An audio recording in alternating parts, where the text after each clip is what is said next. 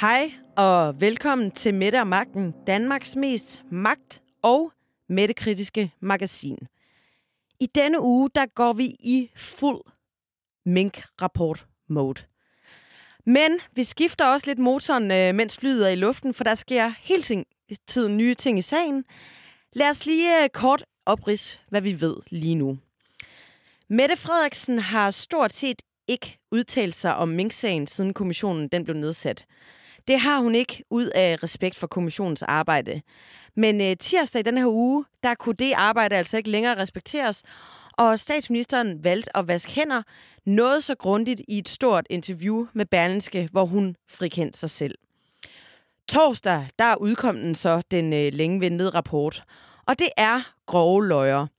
Den er baseret på 86 afhøringer af 74 vidner. Der er et års arbejde, der nu har udmyndtet sig i en rapport på 1600 sider. Kommissionen den finder, at øh, statsministeren har, har groft vildledt befolkningen, at hun har udstukket en ulovlig ordre på et pressemøde, at kongerigets øverste embedsmand, statsministeriets øh, departementschef øh, Barbara Bertelsen, har gjort sig skyldig i grov pligtforsømmelse, og at der er grundlag for en sag mod hende og mod en masse andre embedsmand. Men i alt er der 10 embedsmænd, der får kritik, herunder cheferne i Justitsministeriet og i politiet. Og det er på en måde, hvor rapporten vurderer, at de har gjort sig skyldige i så grove tjenesteforseelser, at et retsligt ansvar kan pådrages. Rapporten fortæller også, at Mogens Jensen har talt us- usandt for Folketinget. Men Mette Frederiksen er ren. Det var det, hun øh, forklarede os, da hun fredag formiddag tonede frem på et pressemøde. Hun beklager. Hun vidste ikke, at der manglede hjemmel, og hun har overholdt sin sandhedspligt.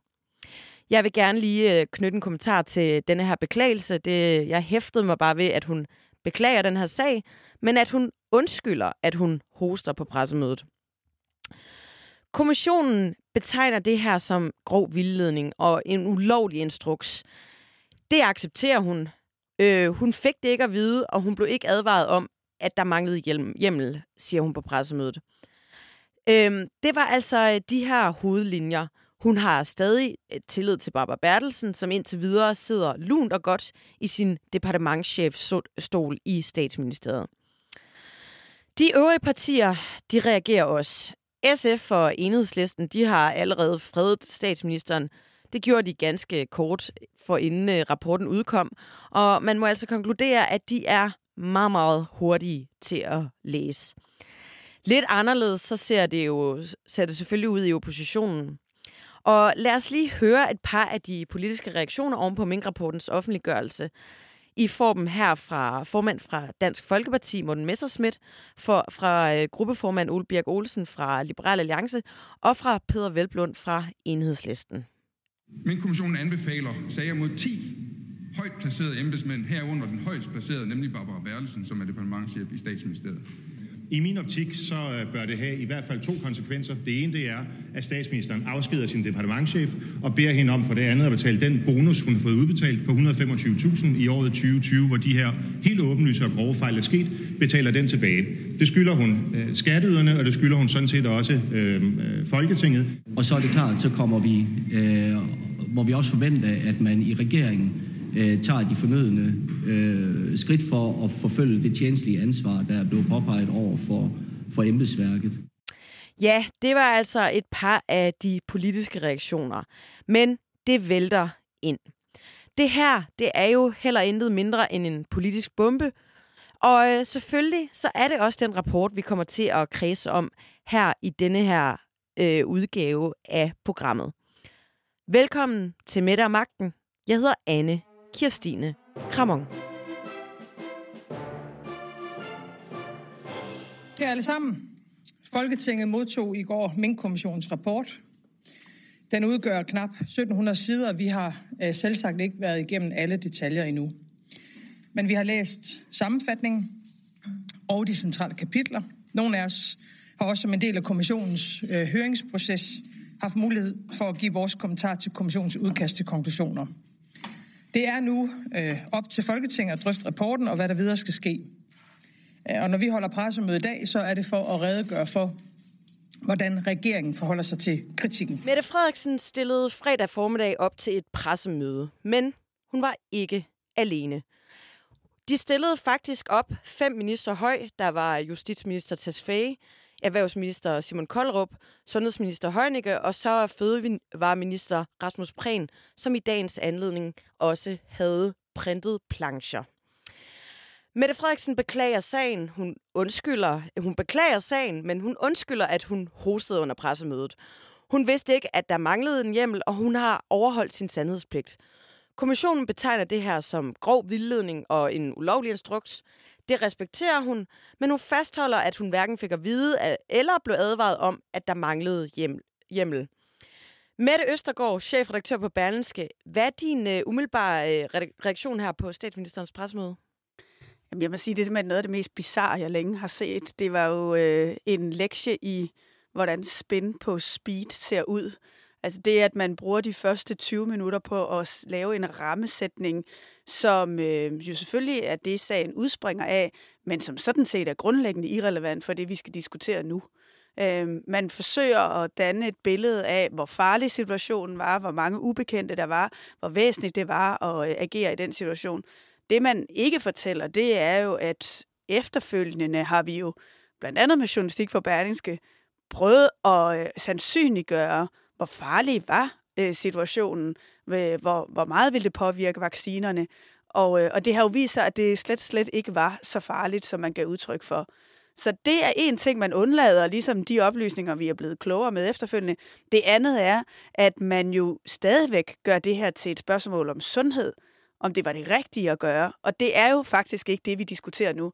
Nu diskuterer vi, om man har haft en proces, hvor man har handlet ulovligt, øhm, og det er det, vi skal forholde os til. Ikke sådan helt grundlæggende, om det var en god idé at slå mink ihjel.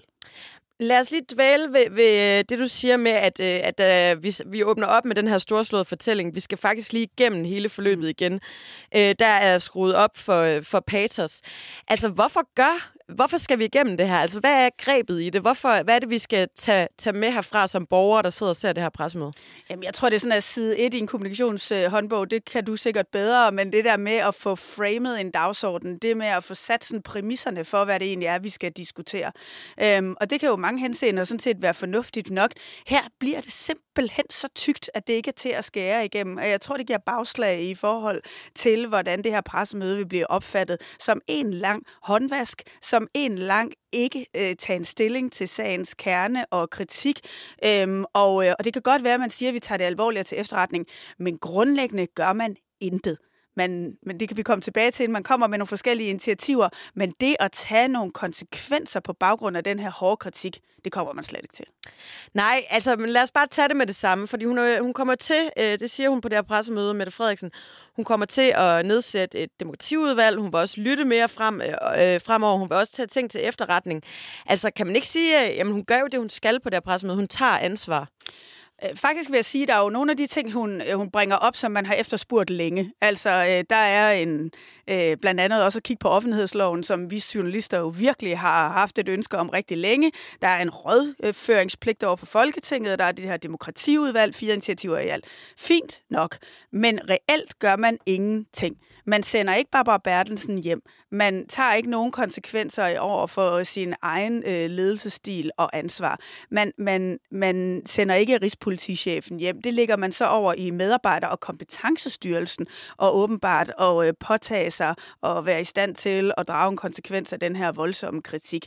Jeg synes, det er enormt svagt på baggrund af en rapport i går, som vi godt nok havde forventet skulle være alvorlig, men som jo blev meget, meget øh, voldsommere i sin kritik og meget mere omfangsrig, end, end vi havde regnet med. Det er 10 ledende embedsmænd, altså det er toppen af nærmest hele det administrative Danmark, som øh, man nu skal øh, føre en sag imod, og sandsynligvis blive suspenderet, sat hjem eller fyret, eller hvad der sker.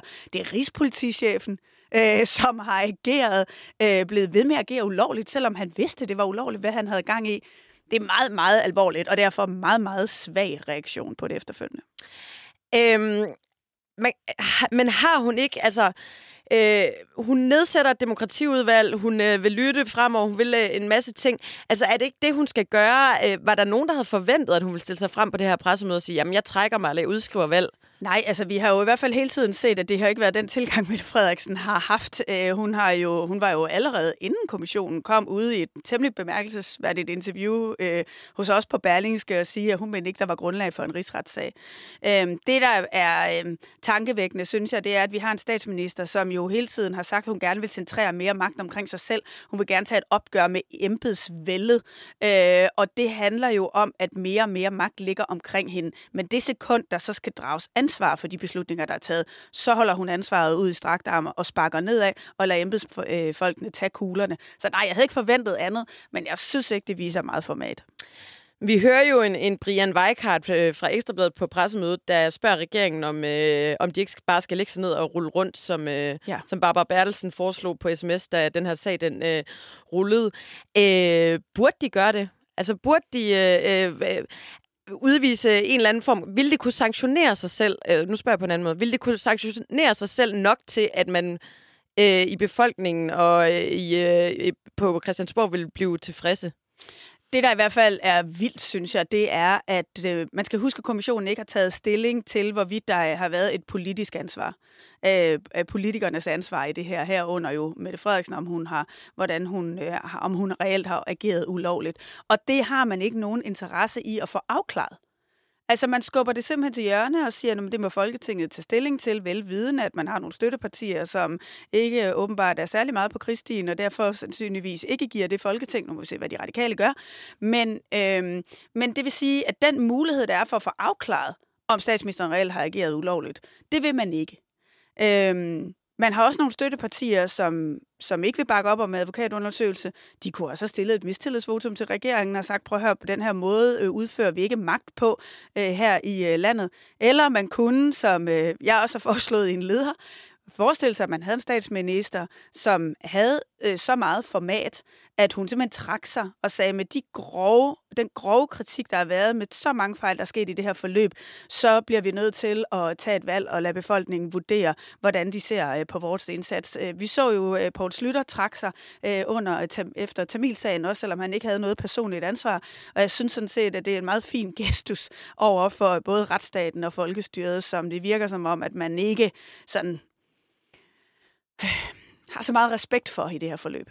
Jamen lad os lige øh, prøve at kigge mod, øh, mod din, øh, din leder i Berlinske, øh, som udkom torsdag. Og du er faktisk, øh, øh, hvor, hvor øh, din hovedpointe er, at statsministeren bør simpelthen gå af. Du øh, står ikke alene med det standpunkt, det gør det samme mener Jyllandsposten og, og Weekendavisen. Og øh, politik, øh, politikken øh, siger på lederplads, at der bør i gang sættes en advokatundersøgelse.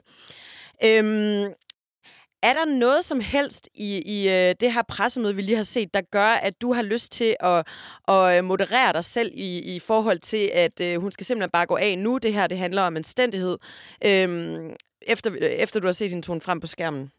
Nej, det er der bestemt ikke, fordi øh, det kan godt være, at man kommer med nogle initiativer, som skal afspejle nogle refleksioner om et arbejde fremadrettet. Men det ændrer jo ikke på, at statsministeren har haft det øverste ansvar for en skandalesag, som vi nu udrulle, øh, ser udrulle sig. Øhm, og, øh, og når der er grund til at få det undersøgt nærmere, det politiske ansvar, så er det jo også fordi, man kan sige, at der er, øh, kommissionen har taget stilling til, at der er 10 embedsmænd, som har handlet med så grov øh, pligtforsømmelse, at øh, man mener, at staten skal, øh, skal drage dem til ansvar. De embedsmænd har arbejdet tæt sammen med regeringen. De har øh, arbejdet under øh, øh regeringen, som er deres arbejdsgivere, for at få gennemført et politisk ønske. Kunne man så forestille sig, at man også vil drage et politisk ansvar, ikke kun et retsligt ansvar? Øh, det synes jeg er et spørgsmål, som, øh, som statsministeren sådan set burde tage op af sig selv, men jo åbenbart er mere interesseret i at klynge sig til den magt, hun har, øh, i stedet for at, øh, også selv at tage konsekvensen af de, den her meget, meget grove kritik. Lige øh, her til sidst, altså der, er jo, der bliver fremført en del argumenter. Vi ser øh, statsministeren og hendes øh, øh, resortminister, der toner frem i dag, og jo tydeligvis øh, forsøger at frame det her på, på folkesundhed. Øhm, man vil også kunne sige, altså, vi er et land, der går meget op i klima og dyrevelfærd. Minkbranchen øh, har ikke øh, bidraget specielt positivt til, til den konto. Vi har stået midt i en global pandemi, der har skulle tænkes hurtigt. Øhm, altså, øh, øh, det, jeg tænker på, det er, hvem kommer til at vinde den her spinkamp? For det er jo en spinkamp, vi også ser nu. Det er folkesundhed versus øhm, øh, og dyrevelfærd øh, versus øh, øh, ulovligheder og vildledning og sådan nogle ting. Mm. Øhm, bare et bud på, hvordan, hvordan øh, kommer snittet til at blive lagt fremover? Hvem kommer til, for det han, er jo i virkeligheden lidt, handler lidt om, hvem, hvem kommer til at være bedst til at fremføre sine argumenter. Ja, og hvis man øh, fremfører argumenter omkring øh, folkesundhed og dyrevelfærd, så bruger man lidt det samme retorik, som vi så i instrukssagen omkring Inger Støjberg, som øh, hun forsøgte at gøre til et forhold, om man var for eller imod barnebruget. Her forsøger man at gøre det til et forhold, om man er for eller imod folkesundhed. Men jeg vil bare sige, at det er ikke det, vi diskuterer. Vi diskuterer, om der er begået ulovlig handling, og hvem har ansvaret for det forløb. Og det er det, der er sagens kerne, og det er derfor, vi diskuterer retssag, og vi ikke diskuterer, eller retsstat, undskyld, og vi ikke diskuterer øh, folkesundhed.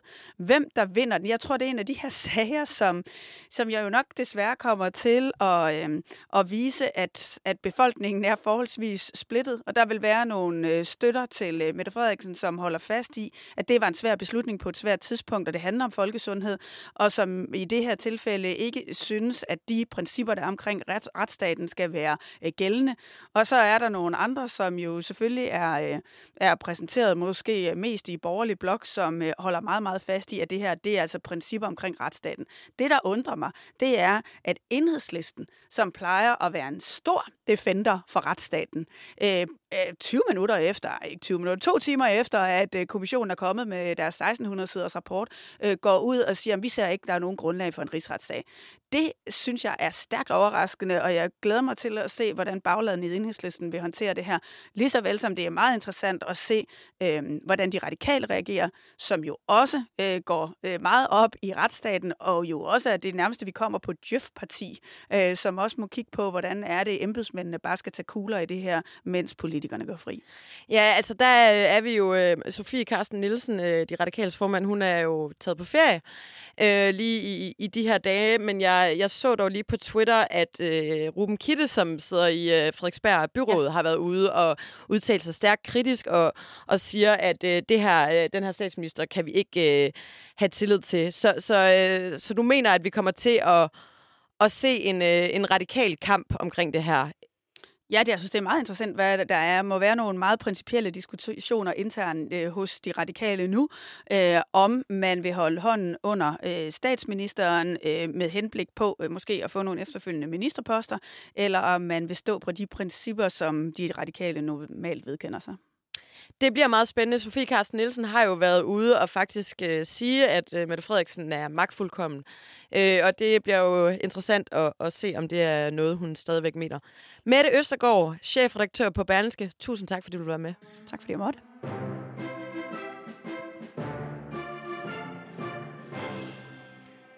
Hvad betyder hele den her sag egentlig for demokratiet? Jesper Olsen, du er ekstern lektor i offentlig ret på Københavns Universitet, og så er du formand for Transparency International. Uh, Jesper, hvad er uh, Transparency International for en, for en størrelse?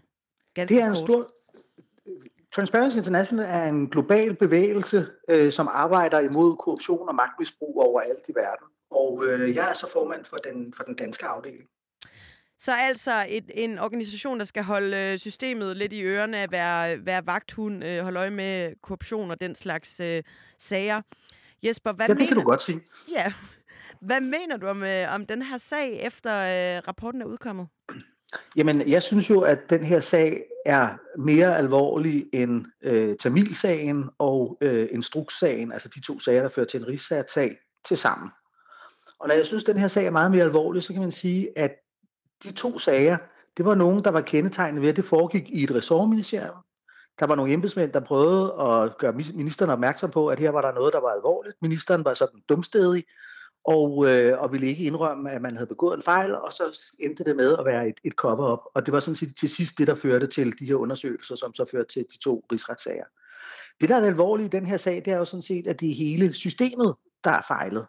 Og øh, det mest alvorlige kan vi jo se ved, at der er 10 helt centrale embedsmænd, der også får kritik for at ikke have levet op til deres øh, pligter om lovlighed, og sandhed. Altså nogle af de helt fundamentale pligter, og det er ikke bare hvem som helst, det er statsministeriets departementchef, det er justitsministeriets departementchef, det er rigspolitichefen, altså det kan nærmest ikke blive mere alvorligt øh, end, end det her. Og man, jeg tror jo på, at Mette Frederiksen har ret, når hun siger, at der ikke var nogen, der havde kommet og fortalt hende, at det var alvorligt, eller det var ulovligt. Jeg synes jo bare, man skal stille det næste spørgsmål. Hvorfor ikke? Og den selvindsigt mangler i virkeligheden i hele den her øh, håndtering af den her sag. Hvorfor mangler den? Altså, og, og hvem har ansvaret for den her selv, manglende selvindsigt? Den har statsministeren. Fordi statsministeren siger, at der bliver begået fejl, men indrømmer ingen fejl. Og i virkeligheden, det som er problemet i den her sag, og hvorfor det, at de her hvad det hedder, øverste hvad det hedder, embedsmænd ikke gjorde det, de skulle, nemlig at sige fra, eller sige stop, eller sige, her mangler der lovhjem, altså de rigtige informationer, hvad det hedder, kom frem. Det er jo fordi, at man har centraliseret magten og overpolitiseret øh, magten på en sådan måde og en sådan omfang, at der, hvor der var allermest pres på, så var der ingen, der, om jeg så må sige, havde øh, modet til at række poten i vejret og sige, hov, vi er lige nødt til at trække øh, vejret her, fordi vi mangler noget helt fundamentalt, nemlig en hjemmel til at gøre det, vi har besluttet os for. Men kan man ikke godt sige, altså, øh, vi var i en super presset øh, situation. Det så ikke så godt ud med smitten. Der var, øh, troede man på det tidspunkt, en, en reel fare omkring de her minkfarme. Altså, har man ikke bare udført sit arbejde øh, ved at, at, at sætte øh, folkesundheden øh, allerførst? Hvis du kigger på rapporten, så har man jo i de centrale ministerier skrevet, analyseret, vurderet talt om den her sag i måneder, og talt om at overveje øh, scenarier i måneder. Og rigtig mange øh, vidste, at der ikke var hjemmel til at gøre det her. Så i virkeligheden handler sådan set det her bare om, at de ting, som man har siddet og arbejdet med nede i maskinrummet, at de er, hvad det hedder, de er ikke kommet frem. Problemet, sådan som jeg ser det, når jeg sidder og kigger på den her sag, så den lidt på afstand. Så får jeg det lidt ligesom, hvis man står ude på Kløvermarken en søndag formiddag og ser på lille fodbold. Man har altså lavet om på den måde, man plejer at spille fodbold, og det vil sige, alle løber efter bolden sådan lidt forvirret rundt, i stedet for at gøre i virkeligheden sådan, som man plejer, nemlig at Justitsministeriet de har den der rolle, Ressortministeriet har den der rolle, Statsministeriet har den der rolle. Men man har i virkeligheden under den her sag og under coronaepidemien, der har man fra start i virkeligheden lavet om på den måde, som centraladministrationen fungerer på. Og så er der rigtig mange, der ikke har kunnet agere i tillid til, at dem, der rent faktisk skulle dække af, at der var lovhjemmel, de rent faktisk også stod for det. Og så er der mange, der er kommet til at, hvad det hedder, at, at køre over for rødt, fordi de troede, at der var nogle andre, der gjorde det. Og det er jo det, der er farligt, når man centraliserer, politiserer og laver om på normale måder at arbejde på. Men hvem, hvem skulle have råbt vagt i gevær? Altså, hvem skulle have, have stoppet den her proces? Ja, vi har efterhånden et billede af nogle embedsmænd, som også har været under en form for politisk pres, og vi, vi har gissninger i hvert fald i offentligheden om, at der ikke har været et miljø, hvor det måske har været i orden at række fingeren op og sige, hov, stop. Man kan, man kan, jeg synes, det er rigtig vigtigt, at vi lige nu sørger for at holde øh, den her sag til at køre i to spor uanset hvilket politisk pres man er under, når man er departementchef i Fødevareministeriet og inde på dit område, at der bliver truffet en beslutning, som ikke fremgik af papirerne, og som der ikke er hjemmel til, så har du en pligt til at råbe op og sige, hey ho, vi er nødsaget til at få gjort noget ved det her. Det der sådan set er, hvad det hedder, øh, og det kan man ikke, det ansvar kan man simpelthen ikke løbe fra ved at henvise til øh, politisk pres osv. osv. Det er i virkeligheden det, øh, sådan lidt populært sagt, man får sin tårnhøje hyre for, øh, og gode pensionsordninger i øvrigt, for at skulle kunne tåle. Når det så er sagt, så kan jo den måde, som der er blevet arbejdet på, den måde, som der er blevet stresset på, øh, jo være med til at forklare, at det ikke skete. Det er i virkeligheden også derfor, jeg nogle gange bruger lidt det der eksempel med lilleputfodbolden, fordi hvad er det farligste i virkeligheden, der kan ske, hvis de der lilleputter, det er, der står sådan en skrigende sokkermom ude på siden og får stresset alle, øh, hvad det hedder, øh, poderne, som jo, hvad det hedder, med så må sige, så glemmer helt at gøre det, de skal, eller græder, eller, eller hvad det nu i virkeligheden er. Når vi har at gøre med en krise, så er det aller, aller vigtigste, det er, at dem, som er inde i orkanens øje, altså dem på broen, det er nogle af dem, der har den allerstørste ro. Deres fornemmeste opgave er i virkeligheden at sikre ro, sådan at dem, der skal kunne udføre, kan udføre de ting, man nu skal udføre under pres på den bedst mulige måde. Det er der, den svigter. For lige at, at blive i din egen, øh, i øvrigt meget udmærket øh, sokkermom-metafor, øh, at det, der er sket, det er, at, øh, at de har så øh, tabt kampen, de her lille putter, og så har mor sat sig ud i bilen og kørt hjem og sagt, det må I, I må selv finde ud af, hvordan I kommer herfra. Er det den situation, vi ser nu? Nej, man kan sådan set sige, at hun har ikke sat sig ud med og sagt, at I må selv komme ud og, og, og køre her, fordi hun har sådan set i virkeligheden bare set noget, men hvad det hedder, øh, nu, nu hvad det hedder, de vandt kampen, og så hvad det hedder, i virkeligheden ikke interesseret sig for, hvad der så i øvrigt skulle ske i, i oprydningen øh, bagefter. Øh, det er jo i virkeligheden det, der sådan set er, er problemet her. Øhm, du, du påpeger meget den her øh, centralisering omkring uh, Mette Frederiksen øhm, som, som værende et problem. Hvis nu vi ikke havde haft en corona-situation, øh, hvis nu vi ikke havde haft øh, mink, hvis nu vi ikke havde haft øh, alle mulige ting, altså hvis og hvis, havde det så været et problem, at magten er så centraliseret? Jeg ved godt, det er synsninger, men jeg vil gerne ja, have dit bud. Man, man, man, man kan sige, for det første synes jeg igen her, man er nødt til lige at holde, øh, holde det i to spor. Jeg kan sådan set faktisk have rigtig god sympati for det, som Mette Frederiksen sagde, da hun tiltrådte, nemlig, at hun var blevet valgt på et politisk program, som hun nu gerne ville levere på. Så derfor havde hun også brug for, at embedsmændene, om jeg så må sige, ikke bare sagde nej, men også sagde, hvis ikke det kan lade sig gøre på den her måde, hvordan kan det så lade sig gøre? Man skal altid huske som embedsmand, at man har en pligt til at sige nej, men man har også som en af embedsmandspligterne faktisk til så at sige, men hvordan gør vi så? Altså for at hjælpe regeringen med at gennemføre sin politik. Det synes jeg sådan set faktisk er, hvad det hedder, var, var helt rigtigt. Problemet er virkelig bare, at regeringen har to opgaver. Den ene er, at den har en opgave med at være den ledende politiske kraft i forhold til lovgivningsarbejde, sætte rammerne, og så har den det også en arbejde med at sikre drift. Og problemet er jo i virkeligheden at skulle håndtere kriser af drift. At håndtere kriser er ikke politik på en traditionel måde. Der findes ikke en særlig blå måde eller en særlig rød måde om jeg så må sige, og hvad det hedder, gå til coronasmitte på. Der findes en fornuftig måde at gå til coronasmitten på. Men det, der jo skete i virkeligheden, det var, at det blev overpolitiseret hele tiden, fordi der var nogen, der kunne se, at det her var der måske potentielt øh, stemmer i, og derfor blev der sådan det der lidt underlige politiske øh, klima, øh, hvor at man i virkeligheden konkurrerede mellem rød og blå. Og det var det, der sådan set har været med til at skabe øh, den der overpolitisering. Når det så er sagt, og det er så det andet spor, det er, at vi kunne se den her centralisering lang tid før, og jeg, jeg skrev faktisk øh, i, hvad det hedder, i Berlingske Tidene, øh, et halvt år før, at coronaen øh, brød ud, jo sådan set et indlæg om det der med, om vi, om vi i virkeligheden var i gang med at indføre sådan et præsidentielt styre, hvor vi var ved at flytte al magten ind i statsministeriet, i stedet for at ministerne skulle have, øh, hvad det hedder, ressortansvaret. For det synes jeg, vi så nogle flere eksempler på, og navnlig i de der sager, hvor, om jeg så må sige, der går, der, der går drift i det, og der er det bare rigtig vigtigt, at ministeransvaret følger med den, der også har ressortansvaret. Her øh, til sidst, Jesper, nu sidder du jo i en international øh, organisation og har ligesom noget udsyn. Øh, hvis du skal prøve at komme med en analyse af demokratiets tilstand lige nu i forhold til alle mulige andre lande og steder, hvad, hvad er din vurdering? Øh, er, vi, er vi lidt ildestet for tiden? Jeg synes, at hvad det hedder, at det, som i virkeligheden har båret Danmark rigtig godt, øh, hvad det hedder, igennem i øh, rigtig mange øh, krisesituationer, nemlig at, hvad det hedder, for det første, at øh, man har formået at, med så må sige, være uenig om det, der var det politiske, men ikke om det, der var det driftsmæssige. Der synes jeg sådan set i virkeligheden, at demokratiet står værre, end det har gjort længe. Og det handler simpelthen om, at, at vi har fået skabt et klima, hvor vi sådan set i virkeligheden deler mere, end øh, vi samler. Og det handler rigtig meget om, hvad skal vi sige, om, om, om den der centralisering. Jeg mener, og har altså det der helt principielle synspunkt, at øh, de der smalle etpartiregeringer, og det er i virkeligheden fuldstændig ligegyldigt, om den var rød eller blå. Jeg synes også, at den regering, Lars Løkke Rasmussen øh, lavede, øh, den rene smalle venstre regering, var dårlig, fordi du simpelthen får samlet magten på meget få hænder.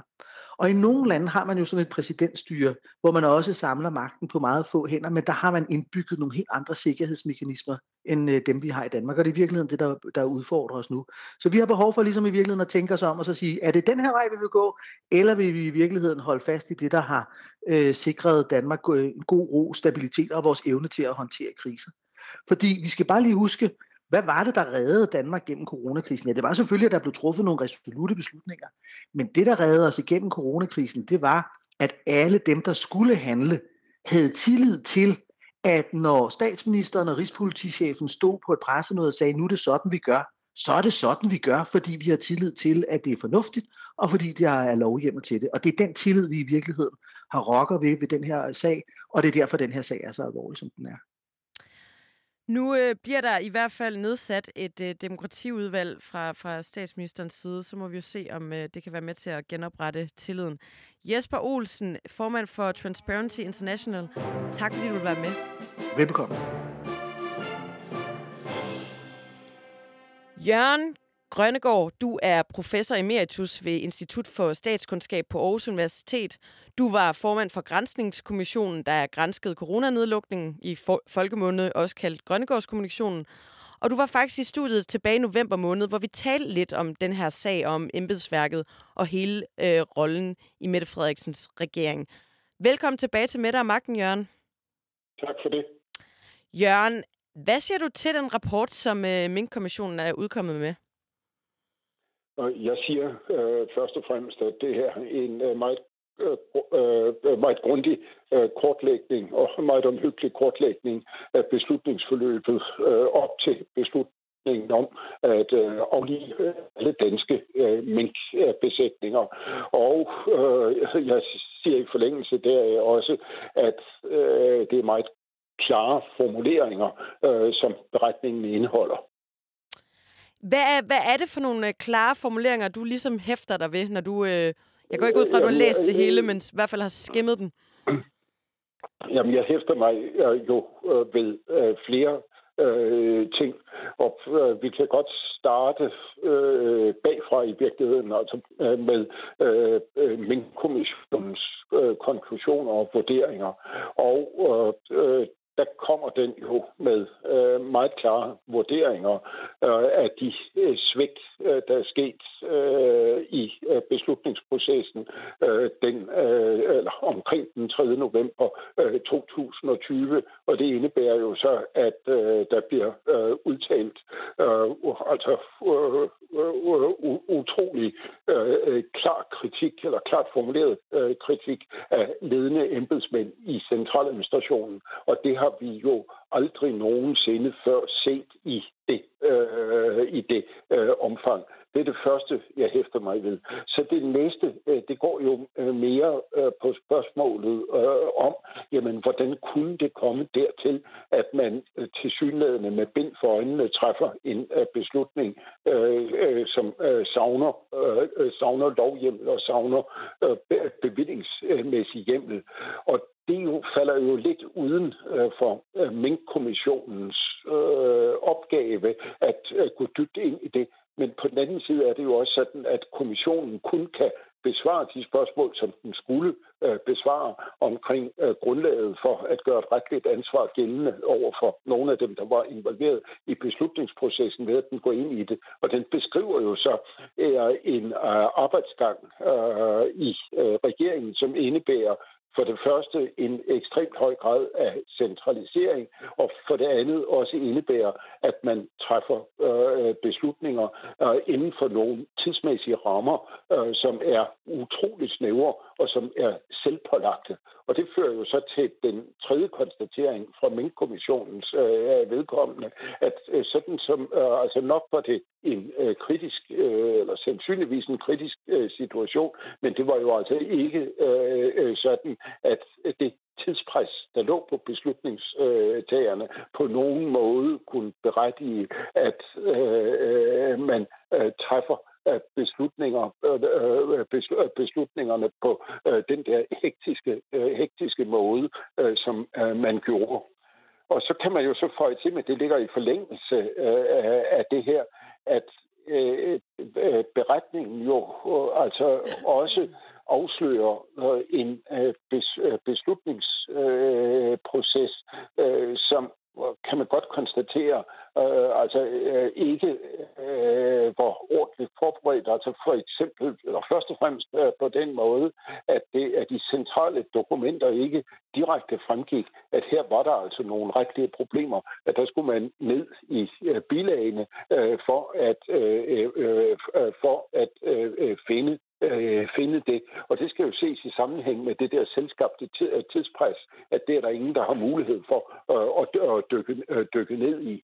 Og øh, så kommer jeg jo så til nogle af de, øh, øh altså, kan man sige, så de der videregående slutninger, man kan drage øh, på øh, det grundlag her, fordi øh, det overraskende i forløbet er jo, at øh, ingen af de her øh, altså højt placerede embedsmænd, som sad med øh, ved øh, mødet i regeringens Øh, øh, koordinationsudvalg, de føler altså øh, ikke øh, på noget tidspunkt nogen anledning til øh, at øh, gå ind og rejse øh, de der helt grundlæggende øh, tvivlsspørgsmål, som kommer op i sådan nogle sammenhæng. Er der nu sikkerhed for, at det vi er i gang eller i, i, i færd med at øh, gøre, at øh, øh, det øh, også retligt set er, er i orden. Og det er jo en af de øh, dybe mærkværdigheder ja, i processen, at der ikke er nogen, der føler sig kaldet øh, til øh, at øh, hæve fingeren og stille de der, kan man sige, dumme, men nødvendige spørgsmål.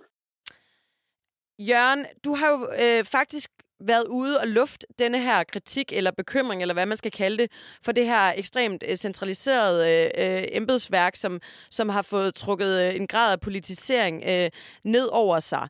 Øhm, for det første, så forestiller jeg mig lidt nu, at du har lyst til at læne dig tilbage i stolen og sige, hvad sagde jeg? Øh, det er jo altid en, en, en god øh, rolle at, at, at have. Men øh, kunne, kunne alle de her ting have været undgået? Altså, vi havde vel stadig set en aflivning af mink. Vi havde vel stadig set øh, et, et øh, politisk landskab, der ville være blevet øh, øh, enormt øh, forpurret i, i forhold til den her sag, selvom man havde taget 24 timer til at læse de papirer. Ja, øh, og der, der, der, der er flere ting øh, i det der, fordi Øh, den centralisering, øh, som øh, vi ser i minkforløbet, det var jo noget, øh, som Mette Frederiksen lagde op til allerede før valget i øh, 2019. Og da hun overtager regeringsmagten i sommeren 2019, så lægger hun jo også helt udtrykkeligt op til, at øh, hun vil være en anden slags statsminister, og derfor har hun brug for en anden slags statsministerium, end det man er indtil nu har kendt i den sammenhæng. Og det var jo en bebudelse af en øh, centralisering af regeringens beslutningsprocesser, øh, som vi ikke har set på tilsvarende, øh, tilsvarende måde før. Og Øh, der er jo så ingen, der på det tidspunkt har kunnet forudse, at landet vil øh, lande først i en covid-19-krise, og derefter i øh, øh minkkrisen øh, i øh, efteråret øh, 2020. Men der ser man jo så konsekvenserne af det beslut, eller det regeringssystem, som Mette Frederiksen lagde op til, dem ser man jo så materialisere sig her i løbet af 2020, øh, da vi løber ind i de to og ret, i virkeligheden øh, ret, ret forskellige, øh, ret forskellige øh, forløb. Og det viser sig jo så også, at så centraliserede beslutningsgange, jamen, de fører nogle omkostninger øh, øh, med sig øh, med hensyn til det øh, beslutningsgrundlag, øh, som øh, man trækker på, når beslutningerne bliver truffet. Så, så i virkeligheden, så, øh, så er det, du siger, at det system, som Mette Frederiksen lagde op til, det i hvert fald ikke fungerer, når, når en krise står og banker på døren? Nej, og det, det kan jo lyde lidt, øh, lidt øh, paradoxalt, at det forholder sig øh, på, øh, på den måde, øh, fordi øh, det, der jo karakteriserer øh, krisesituationen, ja, det er jo for det første, at den er forudset, og for det andet, øh, at der skal træffes beslutninger øh, meget hurtigt. Men der er det jo så, man skal huske at få til, at netop i sådan nogle situationer, hvor der skal træffes, øh, altså givetvis skal træffes beslutninger meget hurtigt, der er det jo så utrolig væsentligt, at øh, øh, man øh, også arbejder på en måde, at der, der sikrer, at man får det bedst mulige beslutningsgrundlag, også får et beslutningsgrundlag, øh, der sikrer, at helt øh, fundamentale ting, altså for eksempel de her øh, retlige hjemsproblemer, øh, at de faktisk er dækket af. Vi har jo øh, i forhold til sådan øh, embedsmændene, altså der er jo øh, 10 topfolk, der, der kan blive udsat for en, øh, hvad skal man sige, disciplinær sag. Vi har jo en Barbara Bertelsen, øh, departementchef i Statsministeriet, øh, Henrik Stusgaard, den tidligere departementchef i Fødevareministeriet, Johan Legard, departementchef i Justitsministeriet, altså tre departementchefer. Øhm, og så har vi en Torkel Fode, som er rigspolitichef, og jeg vil våge den påstand, at det er de, øh, de fire, øh, hvad skal man sige, øh, stjerner i det her. Og, øhm, og nu kommer det her til at lyde øh, som en øh, sportskamp, hvor jeg spørger dig som kommentator om, hvordan er stemningen i, i omklædningsrummet øh, ude hos fodboldspillerne. Men Jørgen, hvordan er stemningen i øh, for eksempel statsministeriet lige nu? Altså, hvad gør det ved... Øh, ved øh, det, de... det, det, tør jeg, det, det tør jeg ikke gøre mig klog på. Det ved jeg ikke. Øh, det ved jeg intet øh, som helst om. Men jeg tænker, om det betyder noget. Altså, det, det er jo en meget, meget øh, kras kritik, den her af, af Barbara Bertelsen, der, der fremkommer. Øhm, jeg tænker bare, om der bliver ligesom lagt an til, at man også maner til noget selvreflektion i selve ministerierne.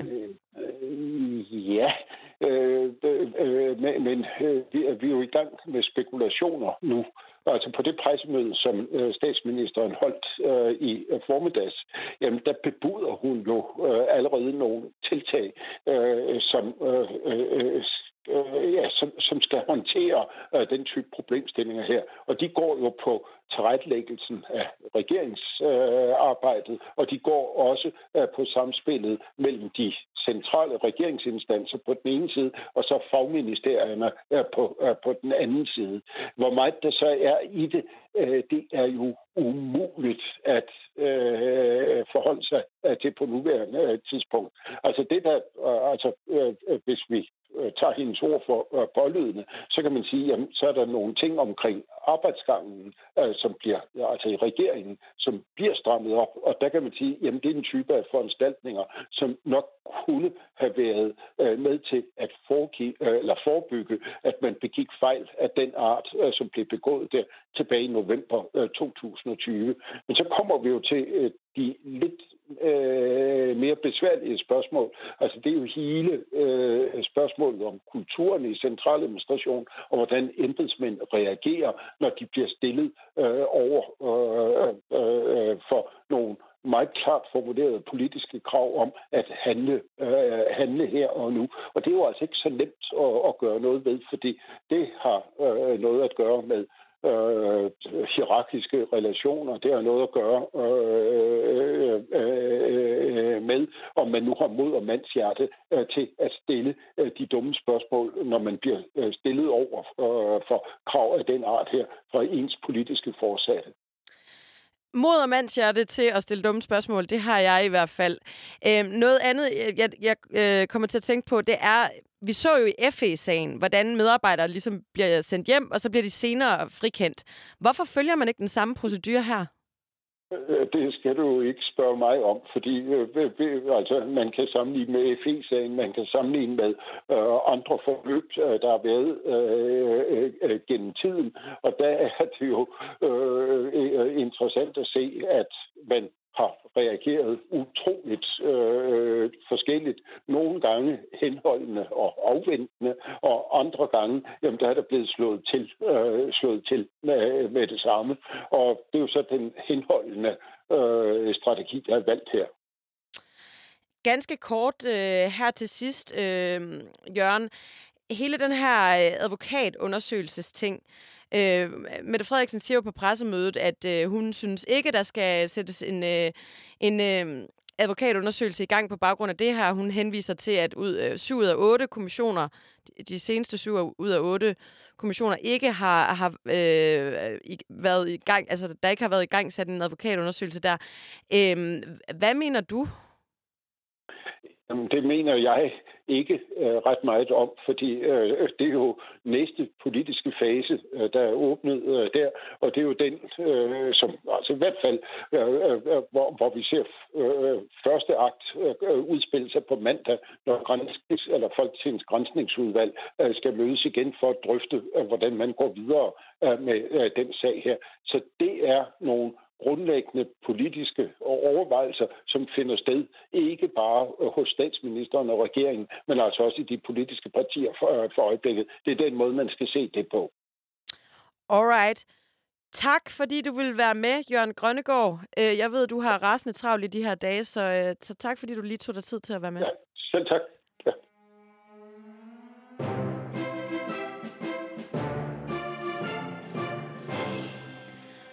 Og så skal vi jo til ugens Astrid i den her meget hektiske minkuge. Der er mange om budet. Det vil være sindssygt nemt at argumentere for, at prisen i den her uge skal gå til enhedslisten. De læser så hurtigt i enhedslisten, at de havde øh, faktisk allerede nået at danse et overblik af den her 1600 sider lange minkrapport, allerede to timer efter Minkkommissionen havde fremlagt rapporten, hvor øh, de kunne sige, at der ikke ville være grundlag for en advokatundersøgelse. Det var Peter Velblund, øh, der fortalte det på partiets vegne. Og jeg så på news, at en øh, minkavler udtalt, at det fandme ikke var en fritidspædagog fra Nordjylland, der skulle bestemme, hvad der fremadrettet skulle ske i den her sag. Og øh, jeg er nødt til at sige, det er altså også lidt mærkeligt, at et parti, der ellers bryster sig af at have mega meget røv i bruks, bukserne og, og stå fast på, øh, på retsprincipperne, simpelthen vælger at tage en beslutning så hurtigt. Den samme beslutning, den har SF taget, men det var nok en lille smule mere forventeligt. Hos øh, Radikale Venstre, der er formanden Sofie Carsten Nielsen rejst på ferie, og øh, det ser ud som om, at det godt kan blive en lidt mere besværlig beslutning for partiet. For allerede nu, der ser vi jo kritiske røster i partiets bagland, der gerne ser, at der sættes en advokatundersøgelse i gang. Men øh, formanden, hun er rejst på ferie, så vi må afvente om øh, Sofie Carsten Nielsens ellers utrolig bombastiske udmeldinger fra tidligere om regeringens øh, og statsministerens magtfuldkommenhed bare var ren, radikal, varm luft.